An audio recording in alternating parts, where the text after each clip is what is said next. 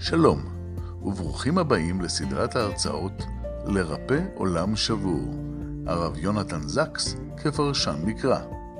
בכל שבוע תימסר הרצאה אקטואלית על פרשת השבוע, עם תובנות ופרשנויות לדרכו הייחודית של הרב זקס, זיכרונו לברכה.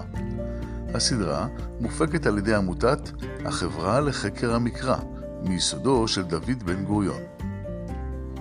והשבוע, שיעור מספר 40, מעמד הר סיני בעולמו של הרב זקס, מאת הרב אהרון כץ.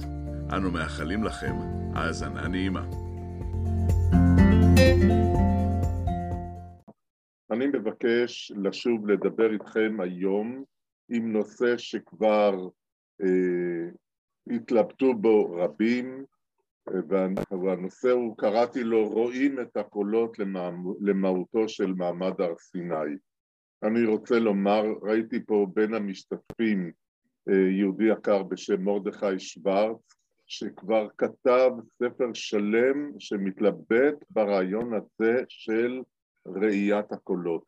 וגם אני אה, הרציתי בעבר בנושא הזה, אבל היום כדרכנו בשיעורים הללו, אני רוצה ללכת עם רעיונותיו של הרב זקס וליתן פנים חדשות לגמרי ברעיון הזה שנראה מתחילה קצת משונה, ראיית הקולות, כולנו רגילים שקולות הם דבר הנשמע, לא דבר הנראה, וכאן התורה מעידה מיד אחרי עשרת הדיברות בספר שמות התורה אומרת ומתארת וכל העם רואים את הקולות ואת הלפידים ואת כל השופר ואת ההר השן וירא העם ויענו ויעמדו מרחוק.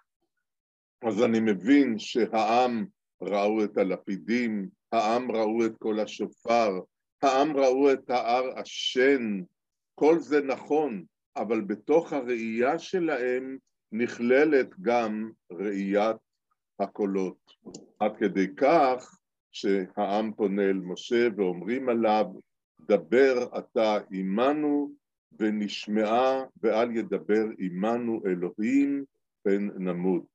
ויאמר משה לעם אל תיראו כי לבעבור נשאות אתכם בא אלוהים ובעבור תהיה יראתו על פניכם לבלתי תחטאו. הרב זקס מתייחס לעניין הזה בספרו על המועדים, אתם יודעים שלאחרונה נתפרסם לפני כשנה וחצי או שנתיים נתפרסם ספרו הנהדר של הרב יונתן זקס, זכר צדיק לברכה, על המועדים. ספר שמתאר כל מועד ובאמת יורד לשורשיו, והוא כמובן דן בהרחבה בפרק הדן בחג השבועות, והוא מדבר על מעמד הר סיני, והוא פותח למעשה בקטע הזה את דבריו של אה, הרמב"ם בספר מורה נבוכים בחלק השני, אנחנו צריכים להבין שמעמד הר סיני היה אחד הנושאים שמאוד מאוד הטרידו את הרמב"ם. מה זה המעמד הזה? אותו הרמב"ם הגדול, שדיבר על האלוקים כעל שכל נפרד, כעל אי יכולת של חיבור בין האדם שהוא תלוי מקום וזמן לבין האלוקים שהוא אין לו מקום ואין לו זמן ואין הם הדברים המגדירים אותו איך בכלל יכולה להיות אה, פגישה ביניהם? והרמב"ם מאיר שם והרב זקס מדגיש את העניין הזה ואומר שם, אמיתת ההשגה הזאת, האמונה שלנו, וכיצד היה האופן בה, נסתר מאיתנו מאוד, מכיוון שלא קדמה לה שכמותה ולא תהיה אחרית, אחרית, אחריה. פירוש מעמד הר סיני הוא מעמד איכוני בכל קיומו של העולם. לא היה דבר כזה מקודם, אין דבר כזה מאותו הזמן. לא יכול להיות דבר כזה על פי השקפתו של הרמב"ם. ועל זה מוסיף הרב זקס בלשונו הנפלאה, הוא מביא את את הדברים שאיינשטיין לימד אותנו שהאור ואפילו הזמן מתעקמים הרבה גדול, אה, מתעקמים כאשר הם מתקרבים אל השמש. כשהאור קרוב מדי אל השמש, הקרניים כבר לא עוברות כקרן ישרה, הם חייבים להתעקם, כי יש פה איזשהו מין סתירה ושבירה בקרבה הזאת שבין השמש לבין התוצאה שלו שהאור. דבר דומה לזה קורה לתורה, כך כותב הרב זקס, כשהיא מתקרבת לרגע שבו קבוצת עבדים נמלטים הרחוקים מאוד מאוד מאוד מן החופש, מן יכולת הבחירה, הם מתקרבים אל האלוהים כל כך מהר ומקבלת על עצמה את ייעודה. הזמן מאט עד כדי כמעט אה, יצירה. ואני רוצה להרחיב בדברים הללו ולראות את הדברים הללו באמת באור ובאור חדש ועל פי דברים שהרב זקס כתב במקום אחר לגמרי. אבל נתחיל קודם, הזיכרון הזה, הרי של מעמד הר סיני, הוא מהזיכרונות החשובים ביותר שאנחנו מצווים בהם יום יום ושעה שעה. בואו נראה איך, אה, איך מנהיגי ישראל ראו את הדברים. קודם כל, משה רבינו, בנאום הגדול שלו, ספר דברים, שהוא נאום אחרית ימיו של משה רבינו, הוא שב ומתאר לעם ומזכיר להם מה הם חוו ביחד. עברו כ-39 שנים מאז המעמד ועד אה, נאום הפרידה של משה רבינו, ואז משה רבינו פונה אל העם ואומר להם רק הישמר לך ושמור נפשך מאוד, פן תשכח את הדברים אשר ראו עיניך, ופן יסורו מלבבך כל ימי חייך, והודעתם לבניך ולבני בניך. את מה? את היום המיוחד הזה, שכמו שאמרנו, כמותו לא היה ואחריו לא יהיה. יום אשר עמדת לפני השם אלוקיך בחורב. באמור השם אליי עקל לי את העם ואשמיעם אני בעצמי את דבריי. ותקרבון ותעמדון תחת ההר ומה ראיתם? ההר בוער באש עד לב השמיים, חושך ענן וערפל. וידבר השם עליכם מתוך האש, כל דברים אתם שומעים ותמונה אינכם רואים, זו לקריא קול. ואז ויגד לכם את בריתו, אשר ציווה אתכם לעשות את עשרת הדברים, ויכתבם על שני לוחות אבנים. ויהי כשומעכם את הכל, אומר משה בפרק הבא, וההר בואש באש, ותקרבון אליי כל ראשי שבטיכם, ותאמרו, הן הראנו השם אלוקינו את, גודל, את כבודו ואת גודלו ואת קולו שמענו מתוך האש היום הזה, ראינו כי ידבר אלוהים את האדם וחי. ואז הם כמובן מבקשים, העם קרב אתה ושמע את אשר יאמר וכולי הדברים כמובן ידועים. מי שעוד מזכירה את מעמד הר סיני, וזה כבר בקיצור, היא כולנו זוכרים את דבורה הנביאה. בשעת שירתה הגדולה, אותה שירת דבורה שחדרה כל כך ללבבות שלנו, שמעו מלכים, האזינו רוזנים, אנוכי לשם, אנוכי השירה, אזמר לשם אלוקי ישראל. ומה השיר? השם בצאתך משעיר, בצעדך משדה אדום, מה היה שם? ארץ רעשה, גם שמיים נטפו, גם אבים נטפו מים. הרים נזלו מפני השם. זה סיני מפני השם אלוקי ישראל. ובמילים מאוד מאוד דומות, דוד המלך, אלוקים בתהילים פרק ס"ח, אלוהים בצדך, בצאתך לפני עמך, בצעדך בישימן סלע.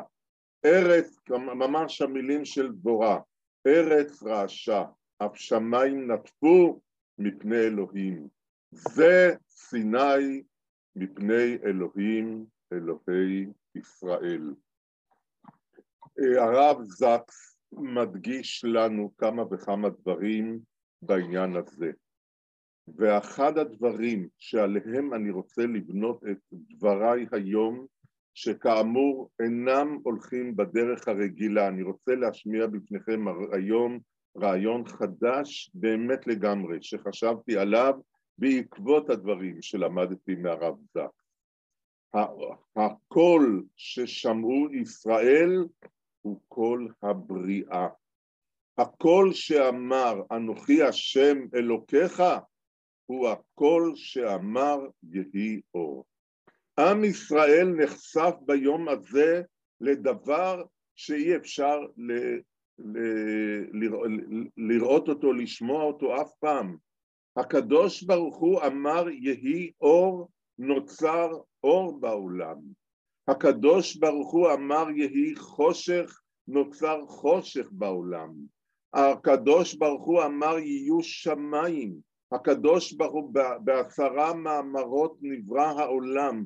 אותם עשרת המאמרות הם כל השם שאנחנו בכלל לא יכולים לתאר אותו, אבל אנחנו מבינים שיש פה קול של יצירה, וזהו הקול, מה שאומר הרב זקס בעומק אה, מחשבתו, זהו הקול שאנחנו שומעים כאן בהר סיני. זה איננו קול רגיל, זהו קול של יצירה, זהו קול של בניין. המילים הללו אינם רק בכדי ללמד את העם את התורה, הם יוצרים מציאות חדשה, ואני שואל את עצמי, מהי אותה המציאות החדשה? אז כמובן, הרב זקס מעריך בדבר הזה ואומר לנו, הרי הקולות הללו הם באמת יוצרים מצב שלא היה כמותו בעולם. הוא למשל מזכיר את אה, ז'אן ז'אק רוסו, שלפני מותו מדבר על מראה מפליא ויוצא דופן, עם גולה שאלפיים שנה אין לו מקום ואין לו ארץ, עם שהתערב בנוכרים, עם שנלעג בפי כל האומות, הצליח בכל אופן לשמר את תכונותיו ואת חוקיו ואת מנהגיו ואת הפטריוטיות לישות המדינית העתיקה שלו, שלא היה לו כל קשר מעשי איתה. היהודים, כך אומר ז'אן ז'אק רוסו, מעמידים לפנינו מחזה מרהיב. איך יכול לקרות דבר כזה? יכול לקרות דבר כזה עם הדיבור של האלוקים עם בני אדם, יוצר יצירה חדשה שאנחנו רוצים להבין את אותה מהותה של אותה יצירה. אני בכמה מילים, למרות שזה לא נושא השיעור היום, רוצה להדגיש גם את העובדה שכשאנחנו אומרים על משה רבינו, עלית למרום, שבית שבי, לקחת מתנות באדם, השקפה של התלמוד היא שמשה לא היה בשמיים. אזכיר לכם את דברי הגמרא במסכת סוכה. תניא רבי יוסי אומר, מעולם לא ירדה שכינה למטה ולא עלו משה ואליהו למרום, לשון התלמוד שכולנו לומדים בדף היומי במסכת סוכה, שנאמר השמיים שמיים לשם והארץ נתן לבני אדם. הגמרא שואלת, אתה אומר שלא ירדה שכינה למטה? הרי כתוב וירד השם על הר סיני, והתירוץ התלמודי הוא למעלה מעשרה טפחים. הקדוש ברוך הוא לא יורד ממש לארץ. והכתיב ועמדו רגליו ביום ההוא על הר הזיתים, אומרת הגמרא, למעלה מעשרה טפחים. אין, לא מערבבים שמיים ומערכת. ולא עלו משה ואליהו למרום, כתוב ומשה עלה אל האלוהים, והתירוץ התלמודי הוא למטה מעשרה טפחים. היינו, זה הרי מה שאנחנו אומרים, בכל שבת ישמח משה במתנת חלקו, כי עבד נאמן קראת לו, בעומדו לפניך איפה? משה עומד איפה? על הר סיני. הר סיני זה מקום החיבור שבו משה עומד מתחת עשרה טפחים והקדוש ברוך הוא מעל עשרה טפחים ושם מתקיים המפגש המפליא והמיוחד הזה שבין שמיים וארץ. ואנחנו שואלים היום מהו מהותו של המפגש הזה. ואני רוצה להסביר לכם, רבותיי, את מהותו של המפגש הזה להבנתי, לאור דברים אחרים שאותם כתב הרב זקס באחד מספריו, אבל אני לא, אני אעשה כן בכך שאני אתחיל בספר תהילים. למנצח בספר תהילים פרק ח', למנצח על הגיתית מזמור לדוד. השם אדוננו, מאדיר שמך בכל הארץ, אשר תנה הודך על השמיים. מפי עוללים ויונקים ייסדת עוז וכולי, כי ירא שמך מעשה אצבעותיך ירח בכוכבים אשר כוננת, מה אנוש כי תזכרנו ובן אדם כי תפקדנו, ותחסרהו מעט מאלוהים וכבוד והדר תעטרהו, תמשילהו במעשה ידיך, כל שתה תחת רגליו. אני אומר לכם שאני בשנים רבות כשקראתי ספר תהילים, מגיל צעיר אהבתי לומר פרקי תהילים בכל בוקר, כך לימדה אותי אימא עליה שלום, שאת היום צריך להתחיל בפרק תהילים. בהתחלה כשקראתי את הפסוק הזה, השם אדוננו, מה אדיר שמך בכל הארץ, אשר תנה עודך על השמיים. אני ראיתי תמיד לפניי את אותו המורה והתלמיד, שהמורה, שהתלמיד אומר למורה, תשמע, זה מאוד מאוד נפלא שאתה נמצא פה בינינו, אבל זה לא המקום שלך, תנה אותך על השמיים, מה אתה עושה בינינו? השם אלוקינו מאדיר שמך בכל הארץ, אבל עם כל הכבוד לך, תשאיר את האות שלך על השמיים. עכשיו אני רוצה להזכיר לכם, ידידים, שאנחנו מכירים את הגמרא על הפסוק אשר תנה אותך על השמיים. כי מלאכי השרת, בזמן שמשה רבינו עומד לקבל תורה מן הקדוש ברוך הוא, מה אומרים מלאכי השרת? ריבונו של עולם, מה לילוד אישה בינינו? מה הוא עושה פה? תנה אותך על השמיים. תורה הזאת שנבראה תתק"ע אה, דורות לפני בריאת העולם, מה אתה הולך בכלל להוריד אותה? מה המשמעות של הדבר הזה? אז אני רוצה היום, רבותיי, לתת פירוש חדש לעניין הזה, ובעקבותיו של הרב יונתן זקס, זכר צדיק לברכה. ובעניין הזה אני רוצה להזכיר אישיות מיוחדת בתולדות עם ישראל, אישיות מפתח בתולדות עם ישראל. אני מדבר קודם כל על הדור של חכמי צפת. אנחנו יודעים, המאה ה-16 בצפת. המאה ה-16 בצפת הוא אחת המאות המשמעותיות ביותר, כפי שכל אחד מכם יודע, בתולדות עם ישראל ובתולדות התפתחות ההלכה והמחשבה והקבלה היהודית.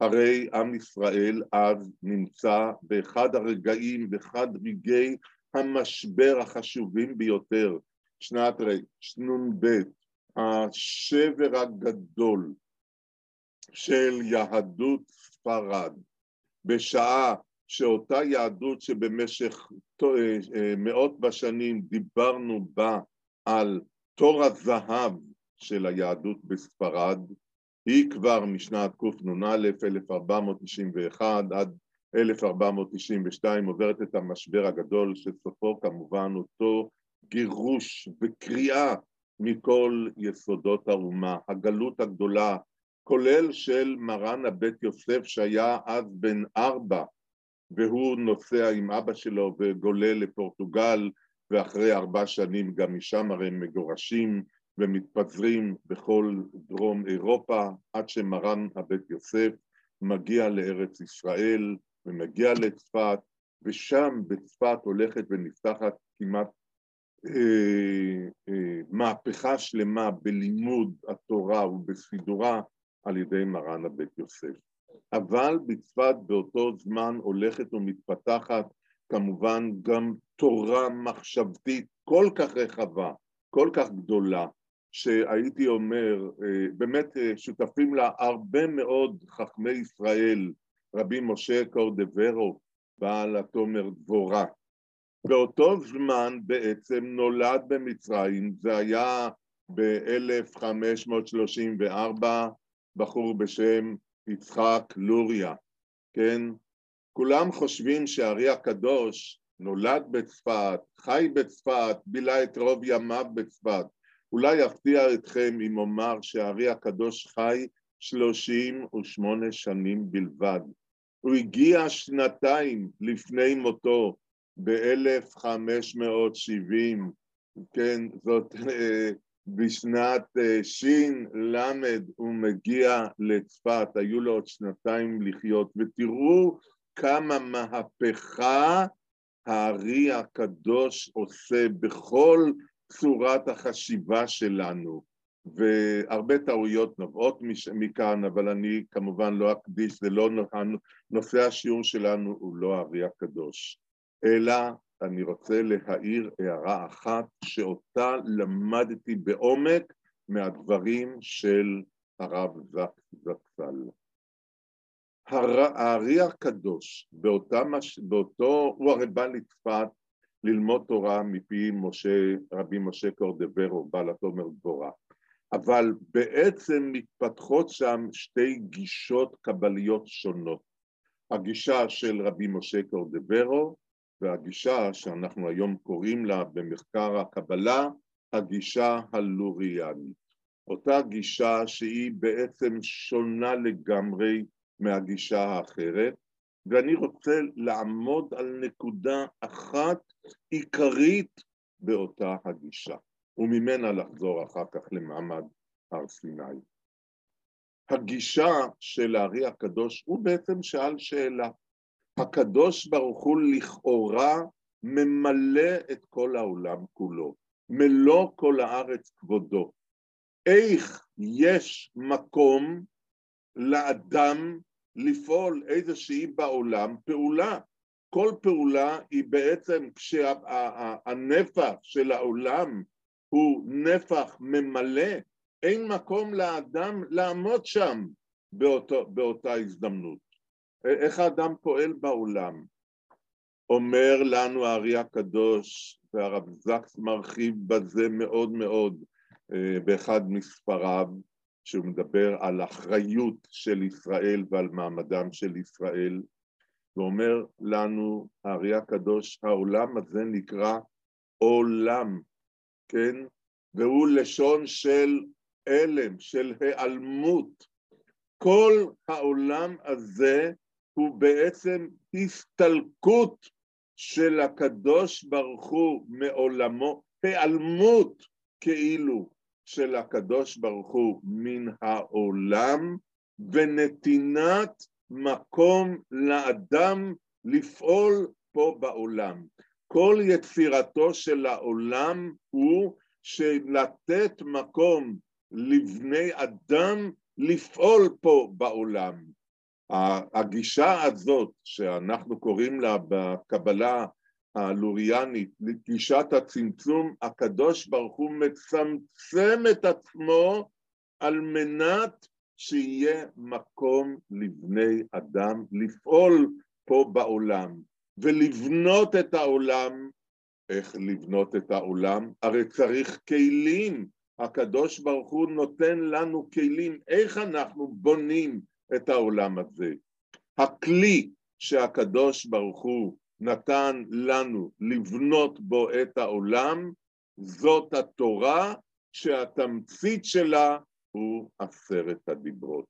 הקדוש ברוך הוא ואומר לנו, הנה אני נותן לכם כלי שכל מי שיקח את הכלי הזה ויחד עם הכלי הזה יבנה עולם של חסד, של רחמים, של הידמות לבורא, מהו רחום אף אתה רחום, מהו חנון אף אתה חנון, מהו ערך אפיים? אם אתה תדמה את עצמך לבורא, אתה בעצם נכנס לאותו המקום שהקדוש ברוך הוא פתח בפניך על מנת שאתה תוכל לבנות עולם בדמותו של הקדוש ברוך הוא.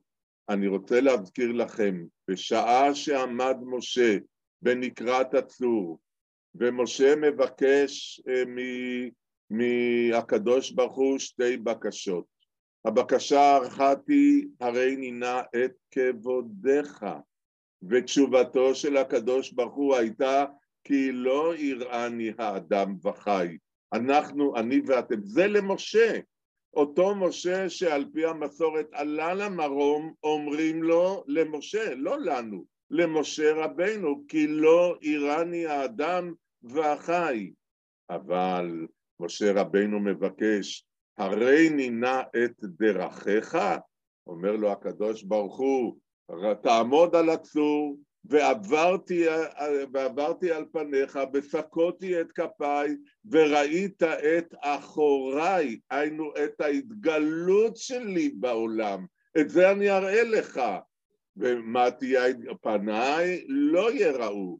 לא תראה את המהות, תראה את ההופעה שלי בעולם. למה אני עושה את זה?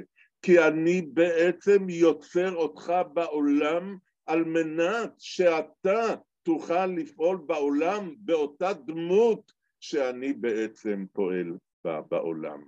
רוצה להזכיר לכם גמרא ידועה במסכת פסחים.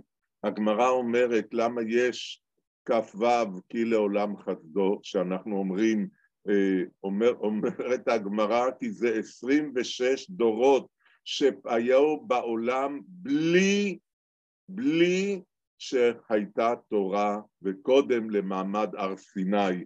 הם חסד גמור שהקדוש ברוך הוא עדיין מקיים את העולם, כי מטרת קיומו של העולם שתופיע תורה בעולם ותתקבל על ידי מי שראוי לקבל אותה והוא ינהיג בחסדו ובכוח התורה שלו הוא ינהיג את כל העולם כולו. אז עכשיו אני רוצה לחזור איתכם לאותו פרק תהילים נפלא.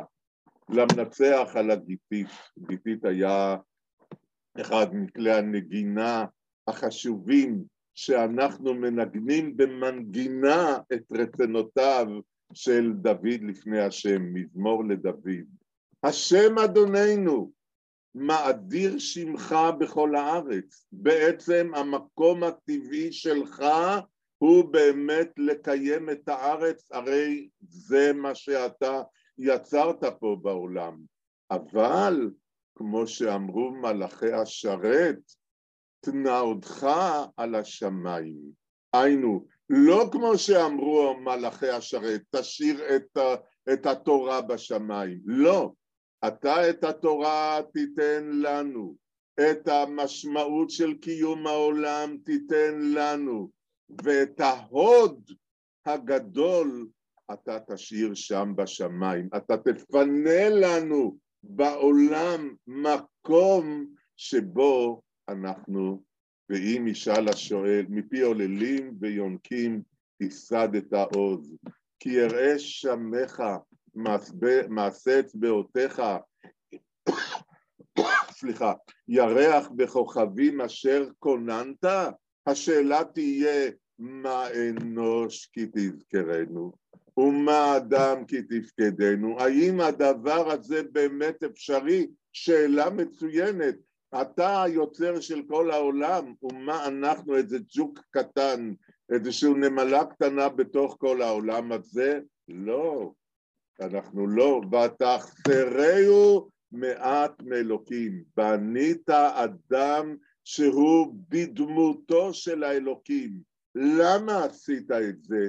כי ביקשת לייצר אדם שיכול לפעול בעולם כמעט כמו האלוקות כולם.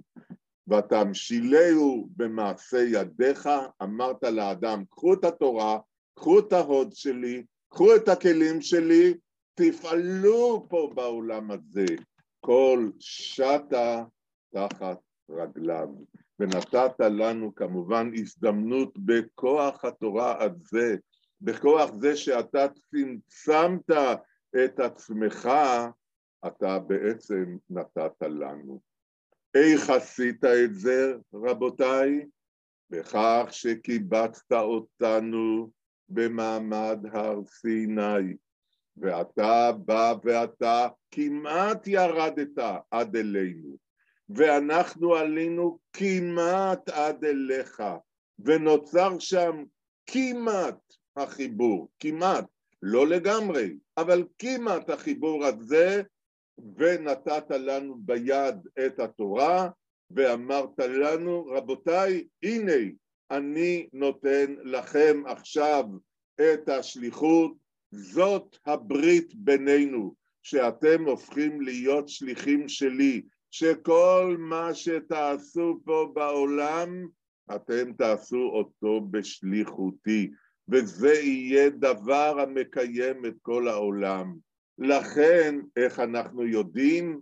הנה אותו, זה מה שאמר לנו הרב זקס, אותו הקול שבו אנחנו יצרנו את העולם, אותו הקול שבו הקדוש ברוך הוא אמר יהי אור, ואותו הקול שבו הקדוש ברוך הוא ברא את הבריאה, באותו הקול אני נותן לכם את הדיברות הללו, ואני אומר דבר אחד אתם חייבים לדעת, אנוכי השם אלוקיך אשר הוצאתיך מארץ מצרים, לא יהיה לך אלוקים אחרים על פניי.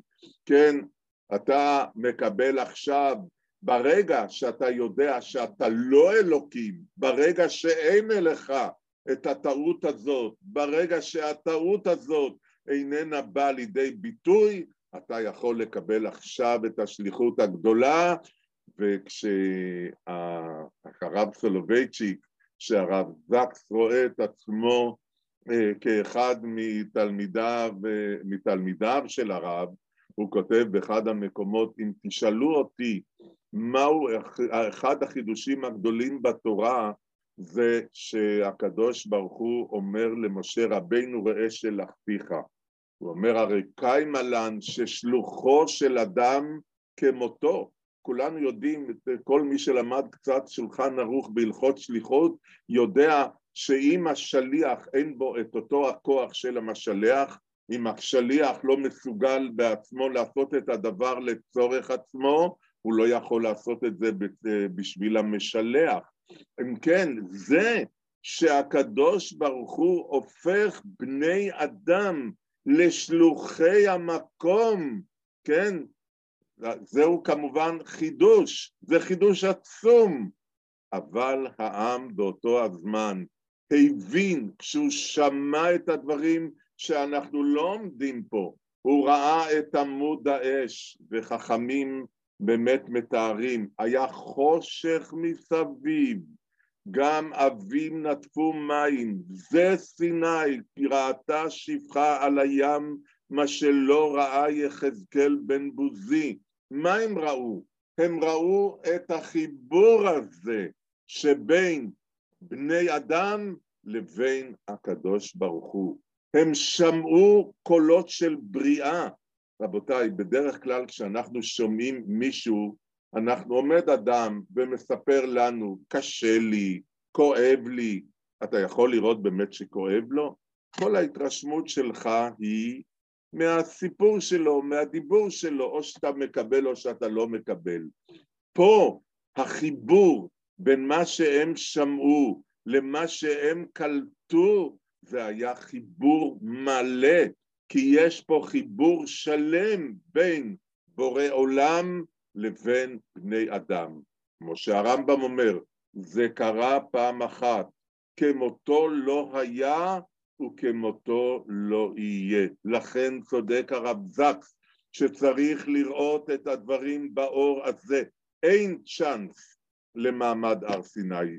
זה פעם אחת שבו קיבלנו את השליחות האלוקית להיות שליחי השם. צריך להבין מה קיבלנו פה באמת באמת אה, ביד. אה, אחד אה, הפילוסופים החשובים בעיניי של הדורות האחורים זה היה פרופסור אברהם יהושע אשל, גם הוא אדם שראוי היה פעם לספר את סיפור חייו ואת תולדותיו, אדם שניצל ממש ב... הוצע לו להיות ראש בית המדרש לרבנים בברלין, אבל הוא תפס ברגע האחרון שהוא חייב אה, לברוח משם, וכך הוא באמת ניצל, וכתביו הם באמת ביטוי עמוק להבנה מחודשת של דברי חז"ל, והוא אומר בספרו האלוקים, כך הוא, כך הוא קורא בפרק, ככה הוא קורא לפרק הזה, האלוקים מבקש את האדם. המילים אינן מובעות בצלילים, אלא במחשבות, בסימנים שאדם חייב לסגל את עצמו, שיבחין בהם. אנחנו חייבים בכדי להבין מילים, להכיר את כל השפה כולה. אם אנחנו לא מכירים את השפה, איך אנחנו אה, מבינים את המילים? את שפת השם אנחנו יכולים לקבל? אנחנו יכולים להבין את שפת השם? אנחנו לכאורה מדברים בשפות שונות, אבל באותו המעמד העם לא רק שמע מילים, הוא הבין, הוא ראה, הוא קלט מחשבות הרבה יותר עמוקות, שהמילים לא רק מדברות אלא גם מראות, זה מה שאומר גם אה, פרופסור השל בדברים העמוקים שלו. וגם אני אומר, העם הבין באותו המעמד. הנה קיבלנו ברית מיוחדת. הקדוש ברוך הוא כביכול צמצם את עצמו, כמו שאמר הארי הקדוש, ומניח לנו עולם שאם אנחנו נדע להידמות לקדוש ברוך הוא, מה הוא רחום, אף אתה רחום, אם אנחנו נדע להתחבר אל הרעיון האלוקי על ידי קיום מצוותיה של התורה, אנחנו מקבלים פה דרך חשיבה חדשה לגמרי על התפקיד שלנו בעולם. זה לא יכול להיות תפקיד זמני.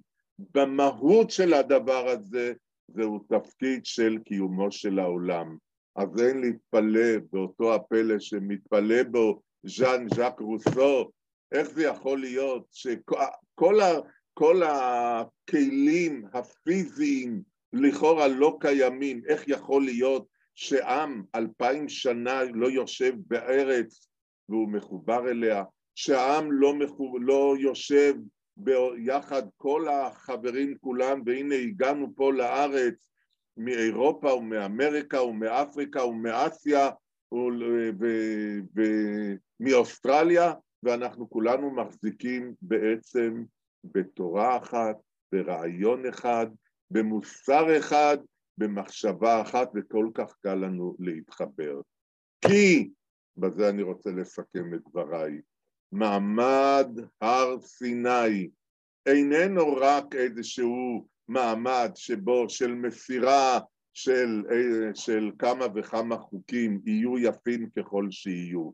מעמד הר סיני זהו המעמד של הברית שבו אנחנו מקבלים עלינו להיות שלוחי המקום לבניינו של עולם ובכך אנחנו ממלאים את רצונו של הקדוש ברוך הוא בבניינו של עולם.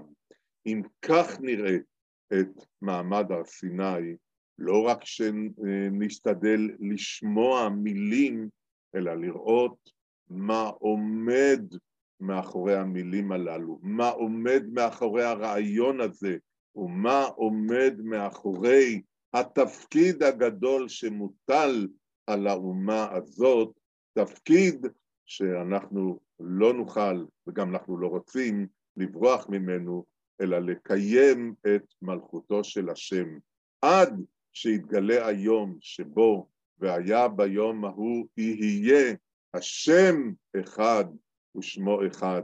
יכירו וידעו כל יושבי תבל, כי לך תכרע כל ברך, תשבע כל לשון, לפניך השם אלוקינו, יכרעו ויפולו, כולם באמת יגידו, יבינו, השם ימלוך לעולם ועד. תודה לכם, ואני כמובן אשמח לענות על שאלות אם יהיו כאלה בהמשך. יישר כוח, כבוד הרב, מדהים. ופשוט מי שיש לו שאלות, מי שרוצה לשאול, אוקיי, זלמי, אתה יכול להעלות את הסרטון בבקשה?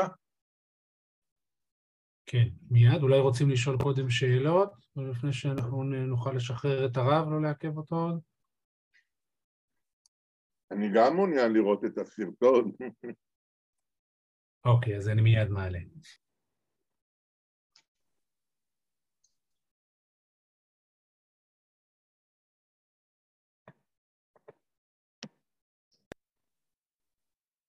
Why I am a Jew. The deepest question any of us can ask is, Who am I? To answer it, we have to go deeper than, Where do I live? or What do I do? The most fateful moment in my life came when I asked myself that question and knew the answer had to be, I am a Jew. This is why. I'm a Jew not because I believe that Judaism contains all there is of the human story. I admire other traditions and their contributions to the world. Nor am I a Jew because of anti-Semitism or anti-Zionism. What happens to me does not define who I am. Ours is a people of faith, not fate. Nor is it because I think that Jews are better than others, more intelligent, creative, generous, or successful. It's not Jews who are different, but Judaism. It's not so much what we are, but what we're called on to be. I'm a Jew because, being a child of my people, I have heard the call to add my chapter to its unfinished story. I'm a stage on its journey, a connecting link between the generations. The dreams and hopes of my ancestors live on in me, and I am the guardian of their trust, now and for the future. I'm a Jew because our ancestors were the first to see that the world is driven by a moral purpose that reality isn't a ceaseless war of the elements to be worshipped as gods, nor history a battle in which might is right and power is to be appeased. The Judaic tradition shaped the moral civilization of the West, teaching for the first time that human life is sacred, that the individual may never be sacrificed for the mass, and that rich and poor, great and small, are all equal before God. I'm a Jew because I am the moral heir of those who stood at the foot of Mount Sinai and pledged themselves to live by these truths for all time.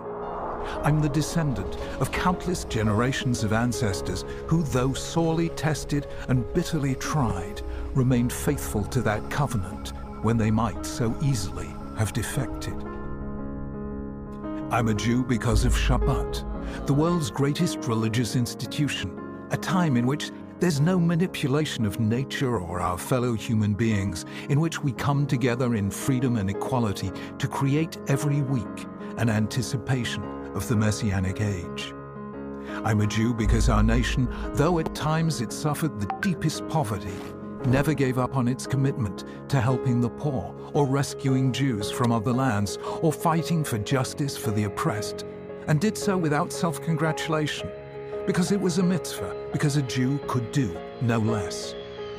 I'm a Jew because I cherish the Torah, knowing that God is to be found not just in natural forces, but in moral meanings, in words, texts, teachings, and commands, and because Jews, though they lacked all else, never ceased to value education as a sacred task, endowing the individual with dignity and depth.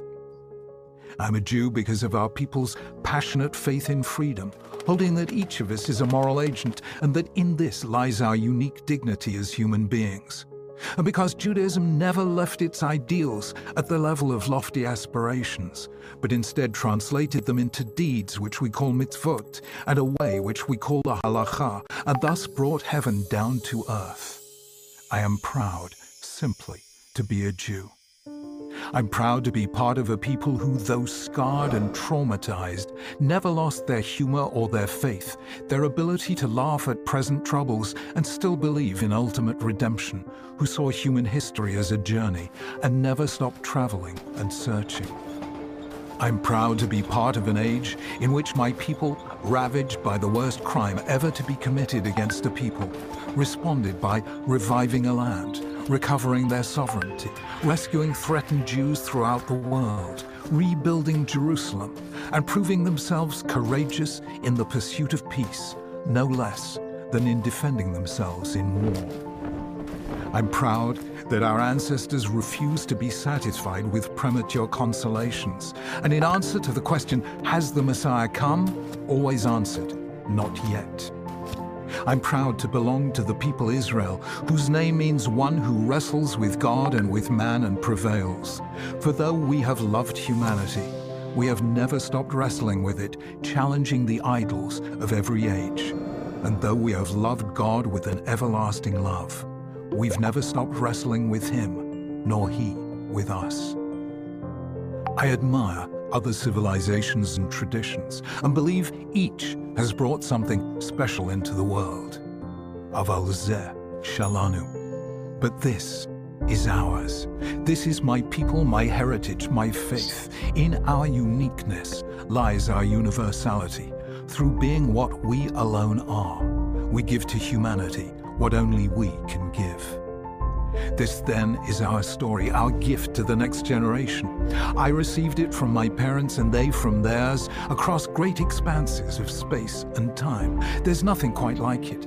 It changed and still challenges the moral imagination of humankind. I want to say to Jews around the world, take it, cherish it, learn to understand and to love it. Carry it, and it will carry you. And may you, in turn, pass it on to future generations. For you are a member of an eternal people, a letter in their scroll. Let their eternity live on in you.